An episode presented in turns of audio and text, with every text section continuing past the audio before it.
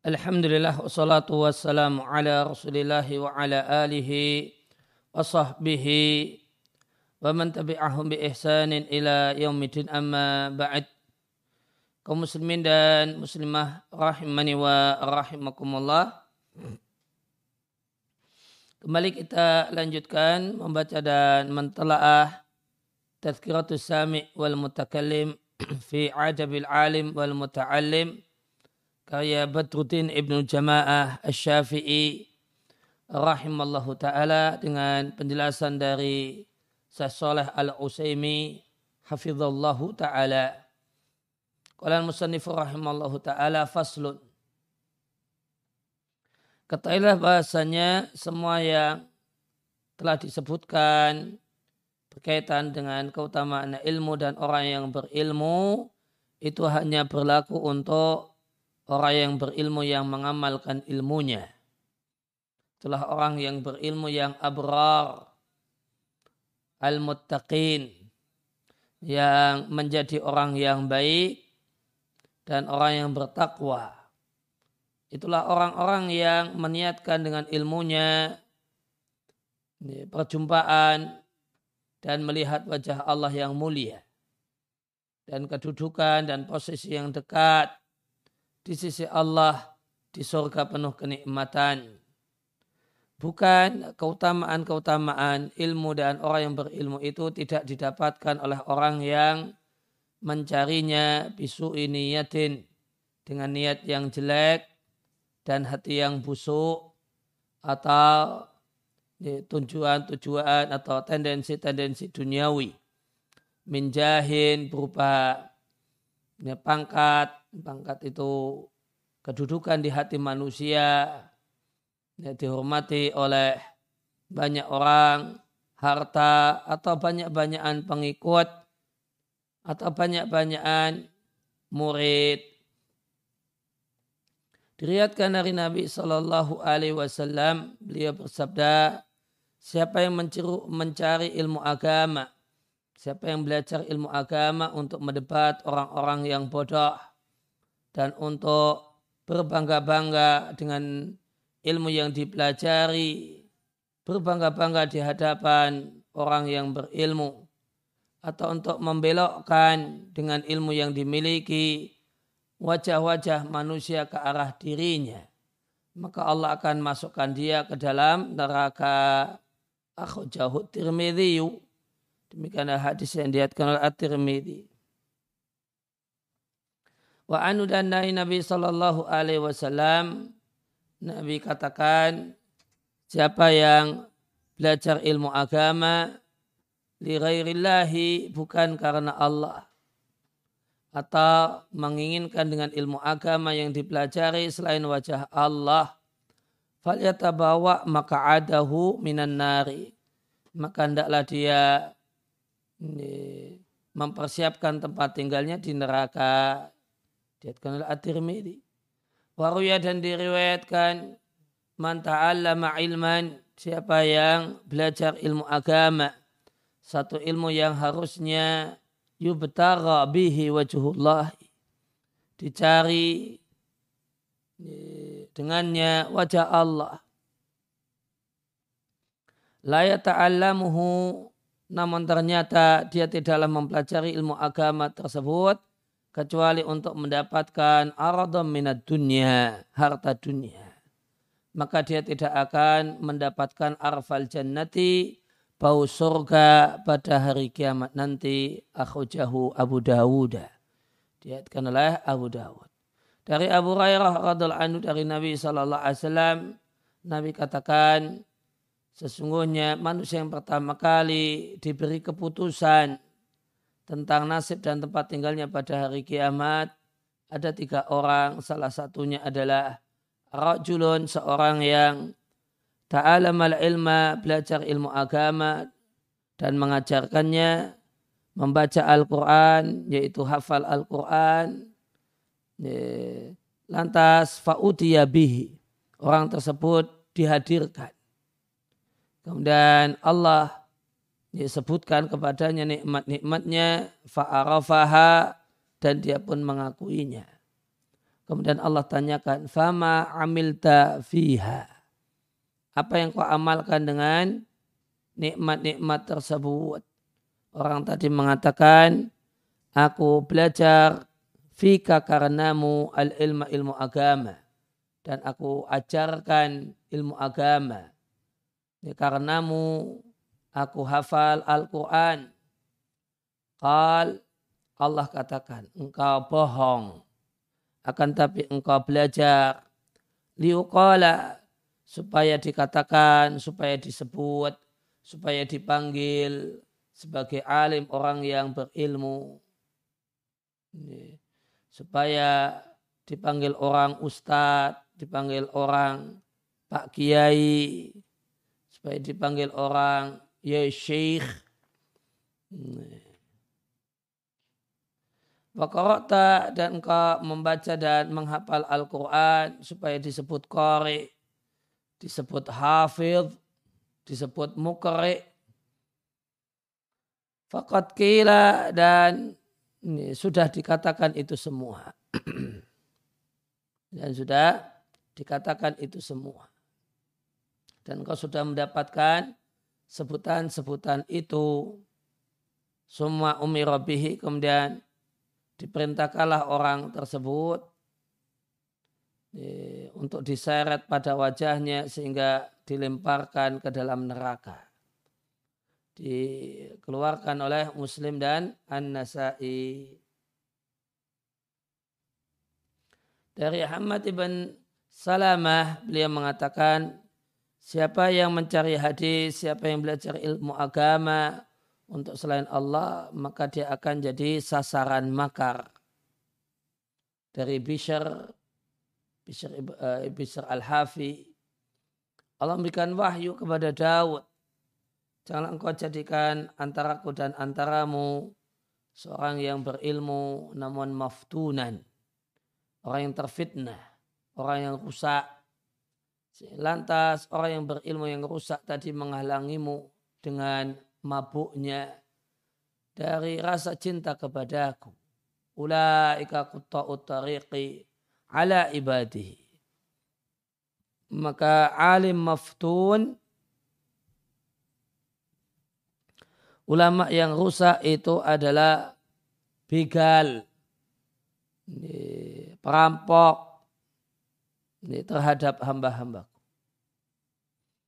Kalau syarih wafakahullah setelah Musanib rahimahullah ta'ala selesai min syaqi membawakan al-ayi sejumlah ayat, hadis dan asar yang menunjukkan keutamaan ilmu dan orang yang berilmu. Beliau membuat satu fasal, beliau memberikan bimbingan di fasal ini bahwasanya semua keutamaan ilmu dan orang yang berilmu itu khusus berlaku untuk para ulama yang mengamalkan ilmunya.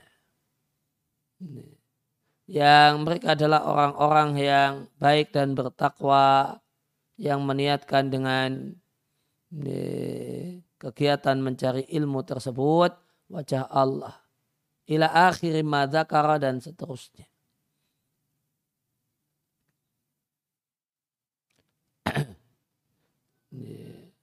Kemungkinan yang mendekati dari perkataan penulis yuhimu mengesankan.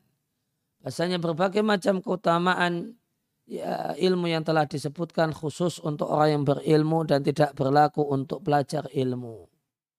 Karena beliau mengatakan fi hakil ulama il amilin dan seterusnya. Wal muhakkak dan kesimpulannya bahasanya pahala dan keutamaan yang disebutkan hanyalah didapatkan seorang hamba dengan dua syarat. Yang pertama berkenaan dengan apa yang dicari dan dipelajari.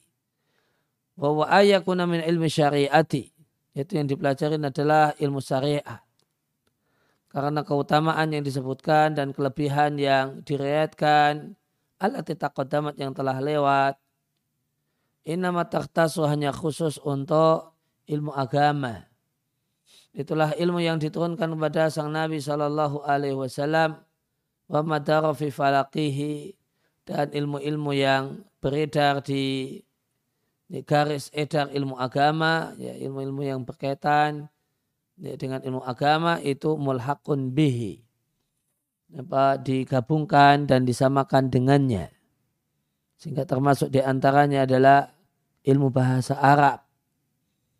Ya, ilmu nahu dan sorab. Ini termasuk uh, dalam ilmu ini. Fal aslul ulum maka dasar berbagai macam ilmu agama adalah Al-Quran dan Sunnah. Kemudian segala sesuatu yang berkhidmat melayani ilmu Al-Quran dan Sunnah itu digabungkan dengannya. Termasuk di antaranya adalah ilmu bahasa Arab, nahwu sorab, usul fikih dan yang lain. Wa makana ajnabian anha dan sedangkan ilmu yang asing dari ilmu Al-Quran dan Sunnah maka dia adalah terlarang atau bukan bagian darinya. Kemudian syarat yang kedua adalah berkenaan dengan niat pencari ilmu agama tersebut. Bahwa ayakun alhamilulaha ya hendaknya yang mendorongnya untuk belajar ilmu agama adalah mencari wajah Allah Azza wa Jalla. Dia tidak menginginkan dengan hal tersebut satupun min a'radi dunia. Harta dunia dan tendensi-tendensi dunia. Maka jika dijumpai dua syarat di atas, maka berbagai macam keutamaan yang telah disebutkan itu akan terwujud pada seorang hamba yang mencari syai'an mencari sebagian dari ilmu syariat dan dia berniat mencari wajah Allah Subhanahu wa taala. Maka untuknya berbagai macam keutamaan yang telah disebutkan dan keutamaan tersebut tidak berlaku untuk duna ghairihi untuk selain orang seperti ini. Musanib rahimallahu ta'ala menyebutkan dalam bab ini atau fasal ini sejumlah hadis. Yang pertama hadis mantulabal ilma liumariya bihi sufaha. Al hadisah dan seterusnya beliau nisbatkan sebagai riwayat Tirmidzi. Dan hadis man ta'alama ilma li ghairillahi al haditha beliau nisbatkan kepada Tirmidzi juga. Dan dua hadis ini dhaif menurut Sasoleh al Usaimi kemudian beliau iringi dengan hadis yang ketiga saudara yang beliau buka dengan kata-kata ruwiyah dan beliau nisbatkan kepada Abu Dawud. Dan hadis tersebut ternyata juga diatkan oleh Ibnu Majah. Minasitah di antara dari enam kitab hadis. Sanatnya menurut Sasolah Usaimi Hasan Ya, maka di sini ada faedah menarik dan kata-kata ruwiyah tidaklah dibuat menurut para ulama lidalalah untuk menunjukkan kelemahan hadis saja. Sebagaimana populer di kalangan ulama-ulama belakangan. Uh, namun rubama boleh jadi ulama aradu memaksudkan biha dengan kata-kata ruya adalah tidak menyebutkan satu persatu versi-versi yang diriwayatkan dan menyebutkannya sebagaimana yang dilakukan oleh Abu Isa At-Tirmidzi. Fa innahu idza maka At-Tirmidzi jika menyebutkan satu uh, hadis di satu bab maka beliau akan iringi hadis-hadis yang menjadi penguatnya dengan beliau katakan waruya dan diriatkan dari Abu Hurairah, Aisyah dan Ibnu Umar. Dan wa amsalu hadza dan semisal ini dalam perkataan Abu Isa At-Tirmidzi itu kathiratun itu banyak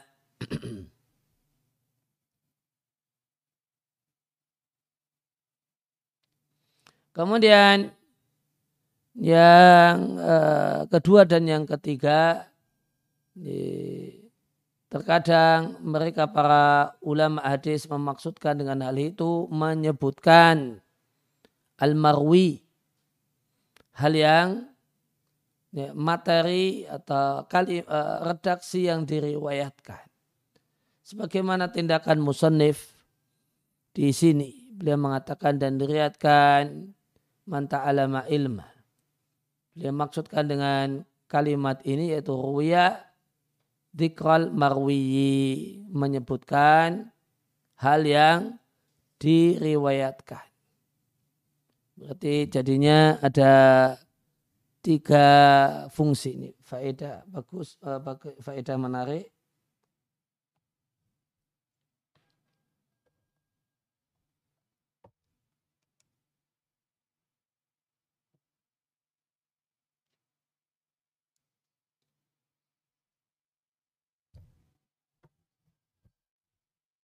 Maka kata-kata ruya itu memiliki tiga fungsi. Yang pertama, lidalalah ala dha'fil hadis.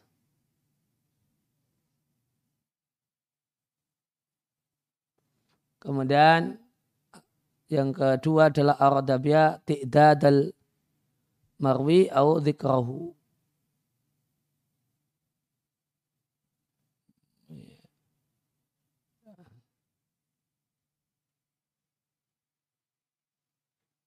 Adalah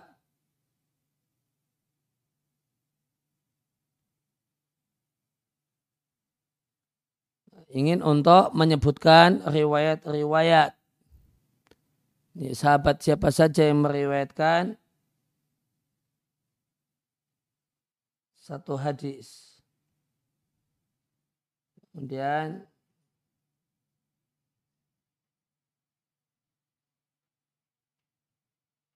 Yang ketiga adalah ingin menyebutkan marwi. Ini, ini menyebutkan isi satu riwayat.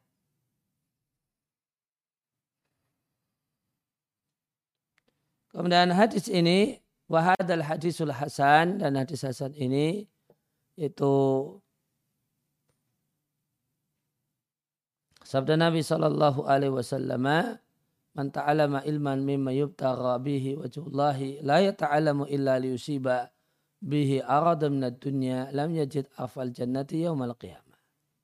Fihi isi hadis ini penjelasan hukuman orang yang belajar satu bagian dari ilmu agama yang merupakan ilmu akhirat, kemudian dia niatkan dengan ilmu akhirat tersebut niat yang rusak, bukan mengharap wajah Allah.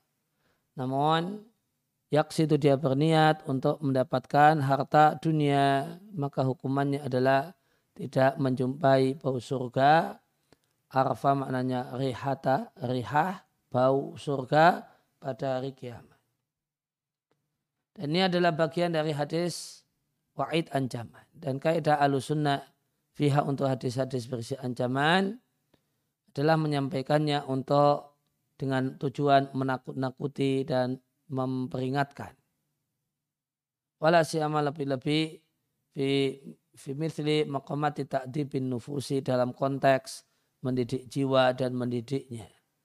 Memindalika dan di antaranya adalah kitab ini maka tidak perlu dijelaskan lebih lanjut supaya ini bisa menjadi pendidik jiwa agar hati-hati dalam masalah eh, niat dalam belajar ilmu agama. Kemudian beliau lanjutkan dengan hadis yang keempat, hadis dari sahabat Abu Hurairah tentang orang yang pertama kali diberikan keputusan nasibnya pada hari kiamat. Seorang yang belajar ilmu agama dan mengajarkannya, membaca Al-Quran atau menghafalnya, kemudian Allah menyebutkan nikmat-nikmatnya, dia pun mengakuinya, kemudian Allah tanyai untuk apakah dia gunakan nikmat tersebut dan dia mengaku belajar ilmu agama dan mengajarkannya karena Allah.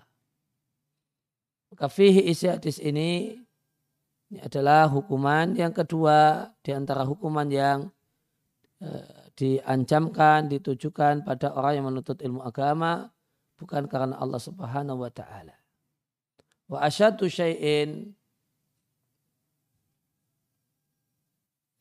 dan hukuman yang paling keras bagi orang yang mencari ilmu agama adalah menjadi orang yang pertama kali diberi putusan nasib pada hari kiamat. Maka ada, ada tiga orang, salah satunya adalah seorang yang belajar ilmu agama.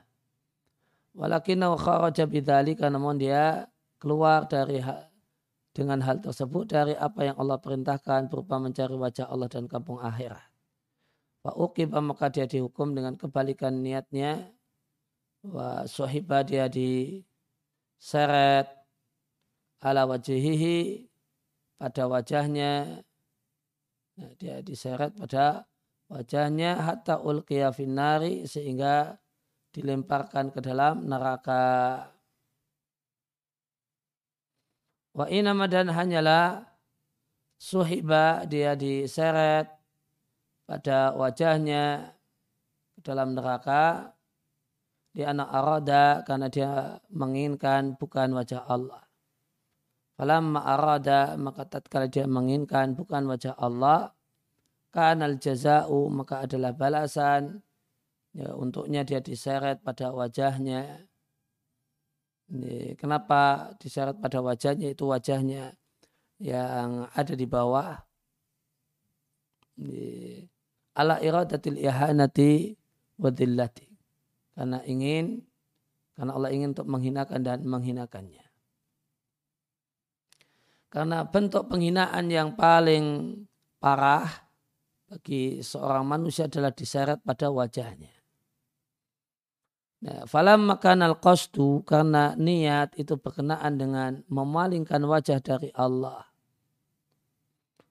subhanahu wa ta'ala maka balasannya adalah diseret hamba itu orang tersebut diseret pada wajahnya untuk dilemparkan ke dalam neraka. Berarti di sini tetap berlaku al jazau min jinsil amal. Balasan itu sejenis dengan amalnya karena amalnya adalah berkenaan dengan memalingkan wajah dan niat dari Allah Ya, jadi karena perbuatannya adalah memalingkan wajah dari Allah, maka balasannya adalah diseret pada wajahnya.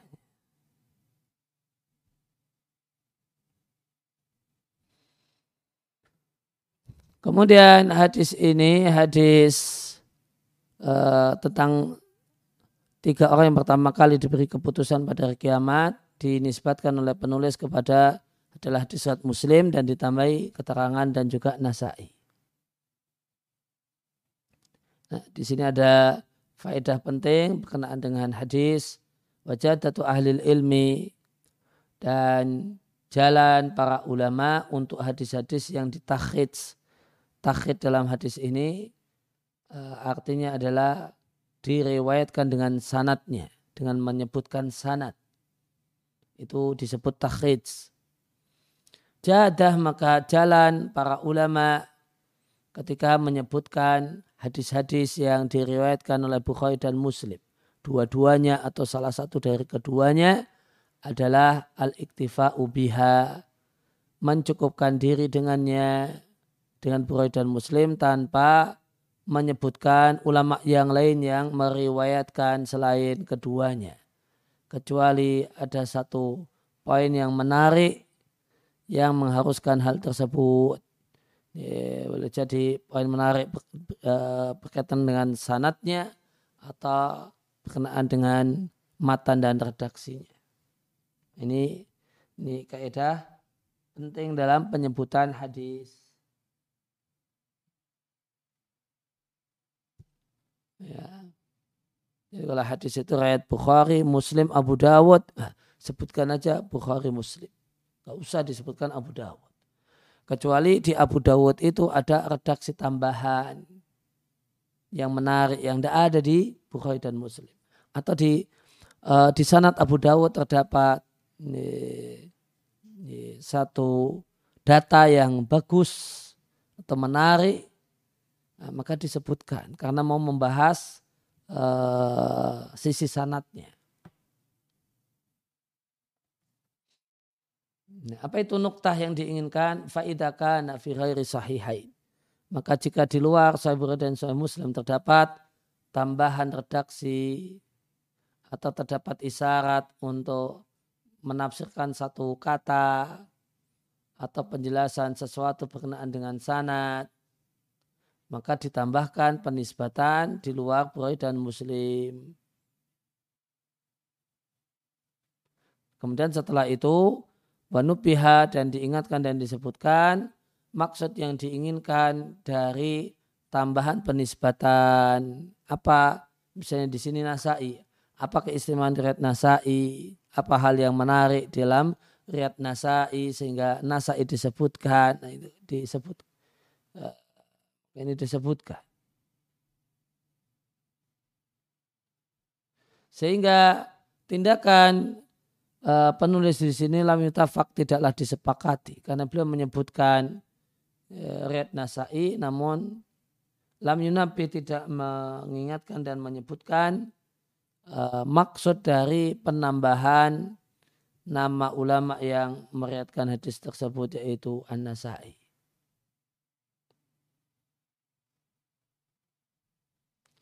Jadi di ini disebutkan contoh ya. Kenapa selain Bukhari dan Muslim disebut misalnya Abu Dawud atau Nasai. Maka boleh jadi ada ziyadah lafad. Ya, tambahan redaksi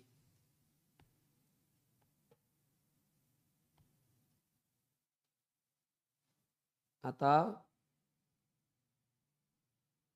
terdapat isyarat untuk penjelasan kosakata atau nah, ini uh, berarti dua poin ini berkenaan dengan matan.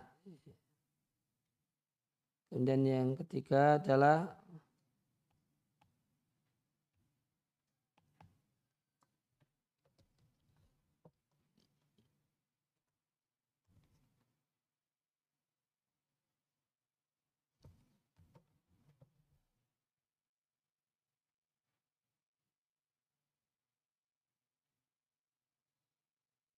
berkenaan dengan man, uh, sanatnya.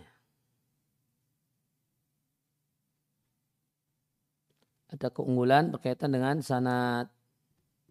Wa ila hadhil qaidah dan kaidah ini saya isyaratkan dengan perkataanku kullu hadisin sahihaini intama semua hadis yang intama dinisbatkan kepada Bukhari dan Muslim fa'azhuhu ilaihima tahattama maka penisbatan hanya kepada keduanya itu sebuah keniscayaan. Kilaihima awwahidin wala yuzad siwahuma illa limaknan yustafad. Maka sebutkan dua-duanya atau salah satunya tanpa ditambahi imam yang lainnya tanpa ditambahi siwahuma ulama hadis selain Bukhari dan Muslim illa kecuali karena ada satu pesan yang bisa yustafat disimpulkan dan diambil darinya. Dan siapa yang am'anan nadhara eh, mentelaah dengan dalam, dengan baik-baik, ya, tindakan eh, dan perilaku para ulama dia akan jumpai seperti itu demikian. Seperti itu realitanya. Dan seperti itu kebiasaannya. Wangdur lihatlah tindakan Al-Hafidh Ibnu Hajar di Pulul Maram maka Anda akan jumpai benarnya apa yang ku sampaikan kepadamu. Kemudian Musanib rahimallahu ta'ala mengiringi hadis-hadis ini dengan asar dari uh, Hamad ibn Salamah seorang ulama yang terkenal yang beliau mengatakan Siapa yang mencari hadis, siapa yang belajar ilmu agama bukan karena niat yang benar, bukan karena Allah, dia akan jadi sasaran makar. Artinya akan dihukum dengan uh, tipu daya pada saat dia lalai. Makar itu mencakup makna uh, penghukuman dengan tipu daya.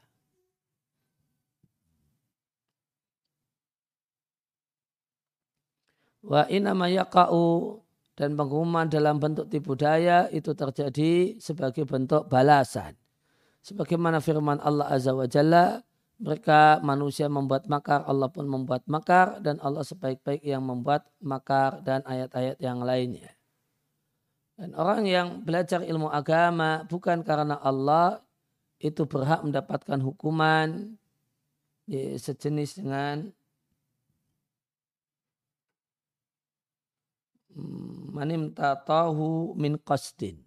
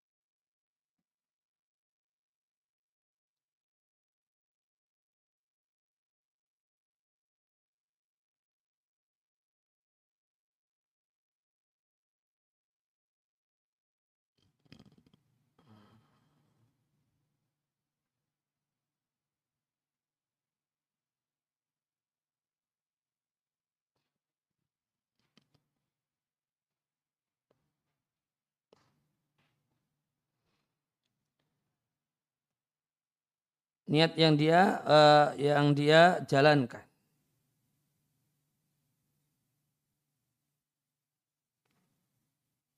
Maka dia diberi hukuman semisal hukuman yang disebutkan oleh Hamad rahimallahu taala.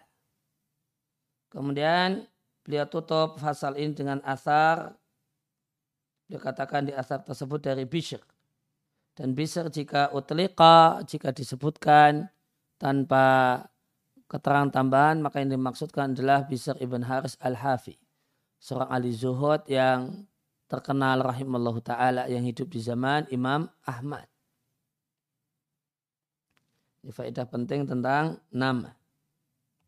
Ini Bisr jika disebut maka yang diinginkan adalah Bisr al-Hafi. Bisr ibn Haris al-Hafi.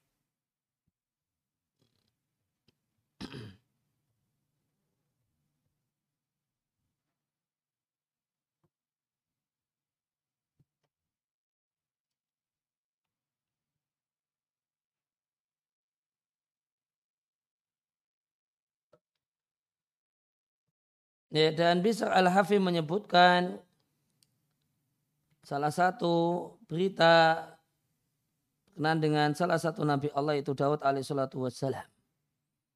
Dan ini adalah walam tazal dan terus menerus telah menjadi jalan man salafa ulama terdahulu menyebutkan informasi yang dihatkan dari para nabi Bani Israel dalam rangka at-tahdis anhum menyampaikan berita atau membicarakan mereka. Wamin hada termasuk dalam hal ini adalah asar ini bisa di sini menyebutkan bahasanya Allah memberikan wahyu kepada Daud.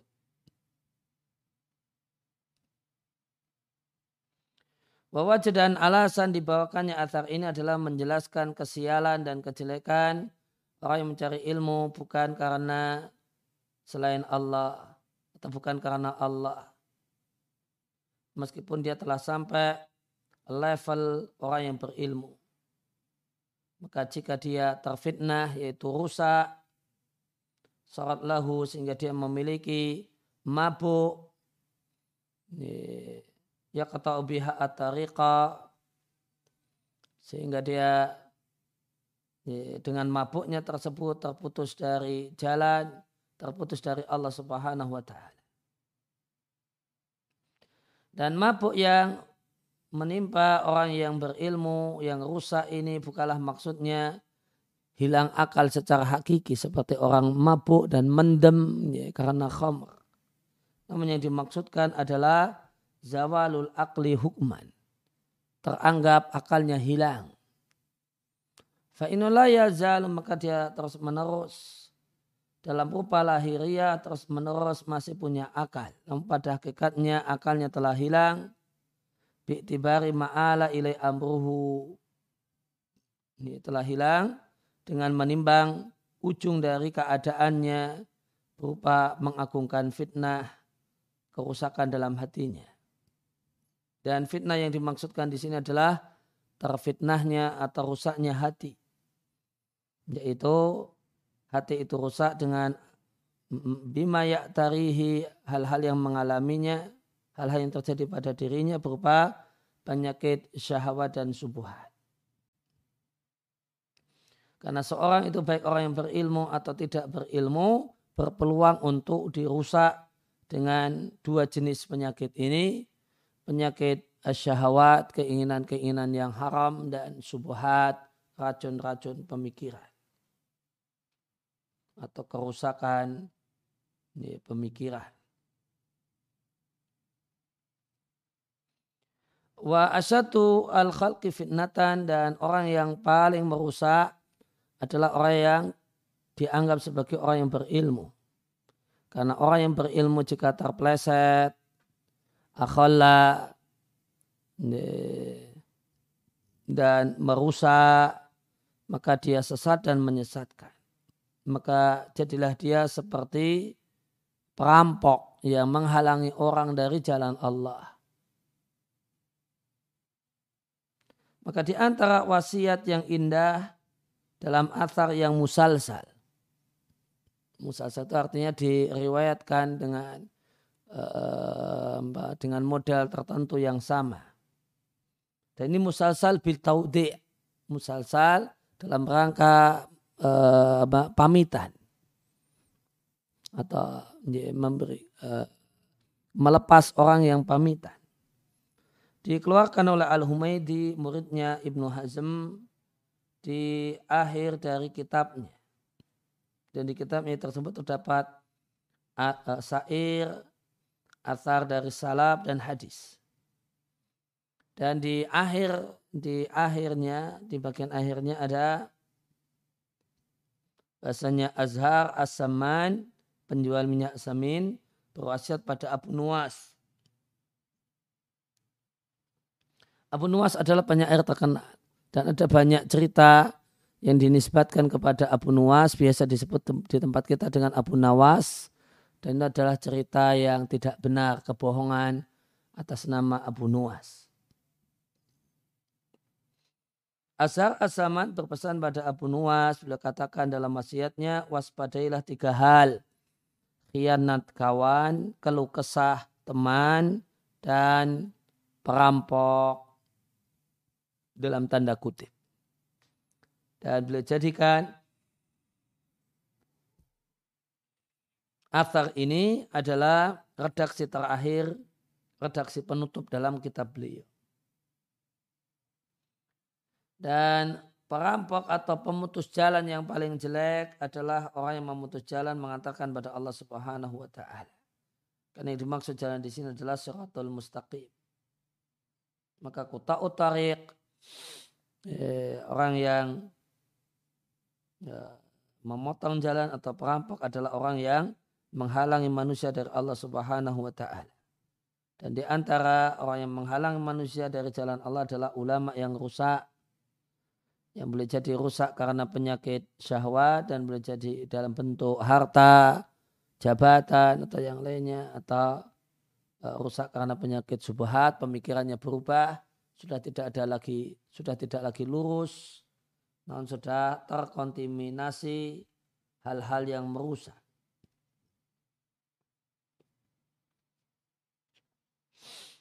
Dan perkara ini ya, di akhir-akhir ini azuma besar dan gawat bi akharatin di masa akhir di masa sekarang ini ya, masyarakat itu rancu dan kebingungan tentang agama. Dikarenakan tampilnya sejumlah mereka-mereka ulama yang rusak. Lantas mereka bicara tentang masalah agama. Terkadang berbicara berbicara dengan masalah agama dengan pembicaraan yang untuk menyenangkan penguasa. Dan tarutan terkadang mereka berbicara tentang masalah agama dengan muatan yang menyenangkan al-mahkumin rakyat. Uh, ada orang yang menyangka bahasanya ulama yang bejat dan rusak hanya ulama yang ketika berbicara dan pengajian itu mendukung penguasa saja. Padahal hakikatnya di antara ulama yang rusak ada yang berbicara dikarenakan tendensi manusia saja. Waktabir hada dan perhatikan hal ini dalam perkara yang haram. Contohnya campur baur laki-laki dan perempuan. Maka di antara ulama yang rusak ada yang berbicara tentang kehalalannya. Dengan mempertimbangkan dalam anggapannya, mempertimbangkan kondisi mendesak di masa saat ini dan tuntutan uh, zaman kekinian.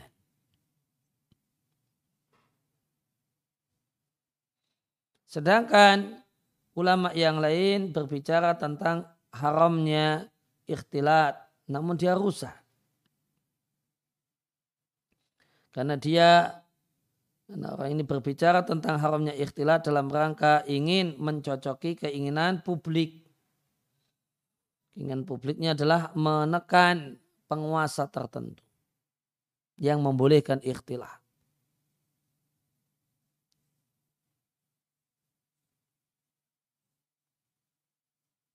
Dan tidak ada indikator yang lebih menunjukkan kalau niatnya itu tidak benar dibandingkan dia berwajah ceria, tertawa, dan duduk bersama sejumlah orang yang orang-orang ini mengadakan perkumpulan ikhtilat ya, antara wanita dengan laki-laki di, di berbagai macam uh, jumiyat al-islamiyah, ormas-ormas Islam.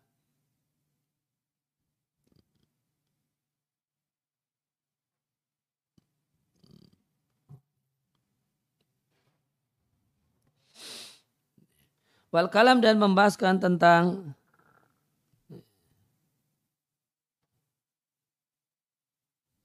atau ya satu organisasi perkumpulan aja Jum'iyat al-Islamiyah organisasi perkumpulan Islam.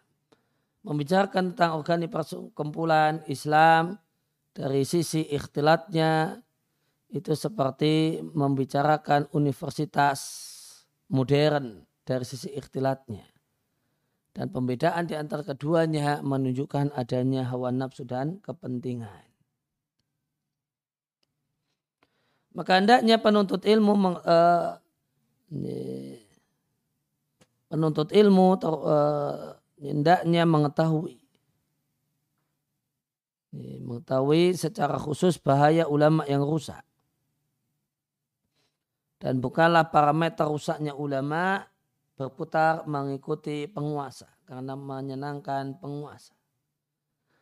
Bahkan min a'dhamil fitnati di antara kerusakan yang paling besar di zaman kita adalah berputar mengikuti publik, keinginan publik. Yang disebut dengan eh, opini umum atau pilihan rakyat atau contoh sikap demokratis dan yang lainnya bagian dari rangkaian kalimat yang terkenal dalam masalah ini. Maka selamat dari hari ini semua adalah hendaknya seorang itu merasa selalu merasa diawasi oleh Allah. Wala yaltafit dan tidak menoleh pada satupun penguasa, tidak pula satupun rakyat biasa. Maka Allah subhanahu wa ta'ala akan ya, memerintahkannya untuk berdiri dan menanyainya. Walayakunulahu nasir dalam keadaan dia tidak punya penolong baik penguasa ataupun rakyat biasa. Wa ala hada madha man madha min ahli ilmi wal fadli wal nubuli.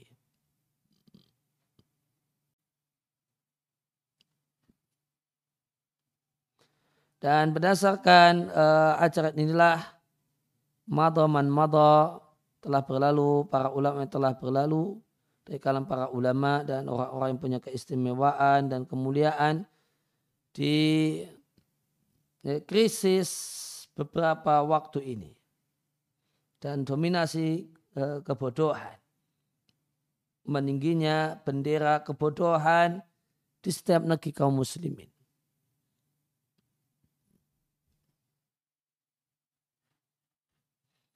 Waktabir ingatlah kejadian ini di zaman tersebarnya komunis, tersebarnya nasionalis.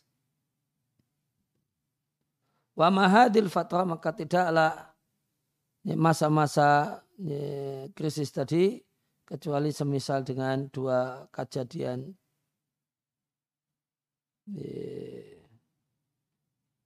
maka kecuali nadirun semisal lahuma dengan dua hal yang telah disebutkan yaitu tersebarnya masa tersebarnya komunis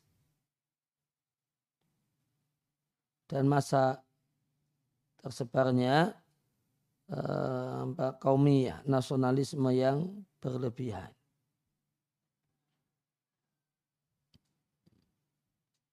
Maka hendaknya seorang hamba yang bari sepatutnya seorang hamba mengetahui kedudukannya dalam perjalanannya menuju Allah Subhanahu wa taala dan tidaklah senantiasa merasa diasihi oleh Allah Subhanahu wa taala dan tidak berputar bersama satu orang makhluk dalam menegakkan kebenaran. Bahkan hendaknya berputar mengikuti kebenaran bersama kebenaran menuju al-haq Allah Subhanahu wa taala. Ya, maka hendaknya seorang itu dengan benar, dengan adil, bersama uh, ma'al haq, bersama dengan kebenaran untuk menuju Allah yang merupakan ilah al-haq. Maka dia tidak merasa diawasi kecuali oleh Allah subhanahu wa ta'ala. Maka alim maftun itu uh, ulama yang rusak karena penyakit syahwat atau penyakit subuhat. Ini kalau kalau karena penyakit syahwat, maka dia disebut juga alimun fajir. namun orang yang berilmu namun eh, rusak perbuatannya. Namun penggemar dosa dan maksiat. Dan mereka ini tergolong bagian dari ulama usu. Uh, ulama yang bejat dan rusak.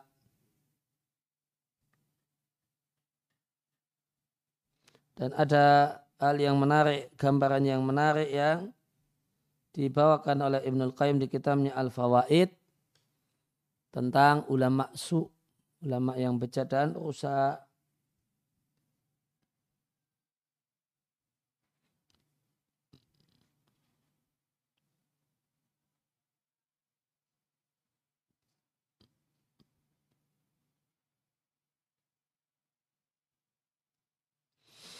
Ada perkataan menarik di Al-Fawaid.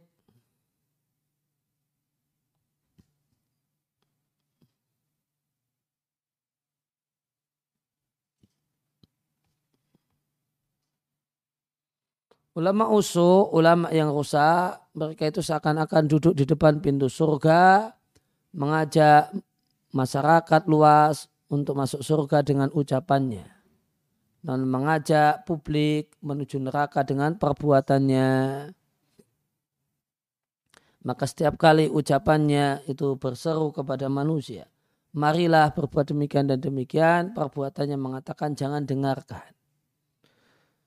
Seandainya apa yang dia dakwakan itu benar, tentu dia adalah orang yang pertama kali menerapkannya dan meresponnya.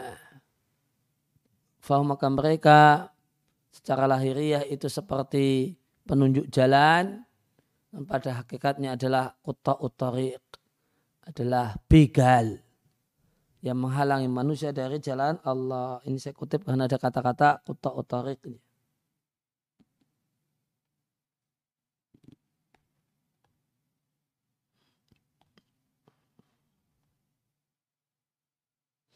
Karena mereka itu pada hakikatnya adalah kota utariq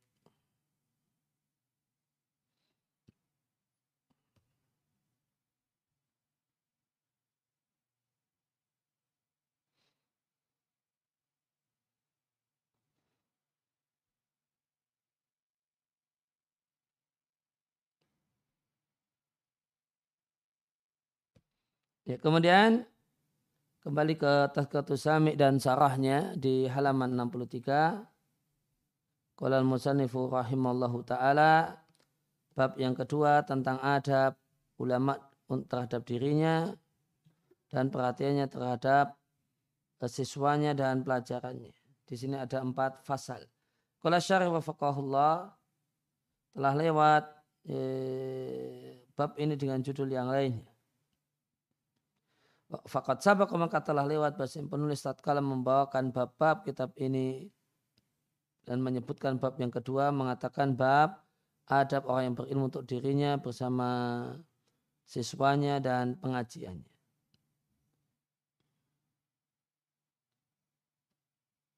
Dan judul-judul bab yang disampaikan oleh musannib oleh penulis rahimallahu taala di mukadimah kitab itu lebih afdol daripada biografi-biografi ulama yang beliau cantumkan di tengah-tengahnya.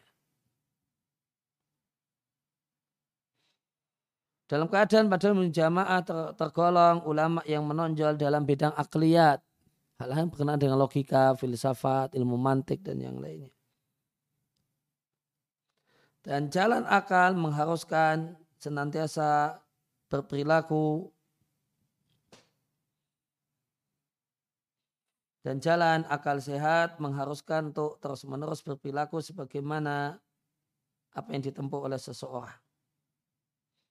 Maka jika seorang telah menyebutkan di mukadimah kitabnya satu hal, sepatutnya dia komitmen dengannya di tengah-tengahnya. Namun ternyata e, Ibnu Jamaah tidak demikian. Akan tapi hukum Allah Azza wa Jalla terhadap makhluknya ya memberikan pada makhluk itu lupa dan lupa serta kekurangan itu yuki menjerumuskan beliau dalam keadaan semacam ini. Ya, ya, maka isinya cuma kritikan judul bab di mukadimah tidak beda beda dengan judul bab yang ada di sini.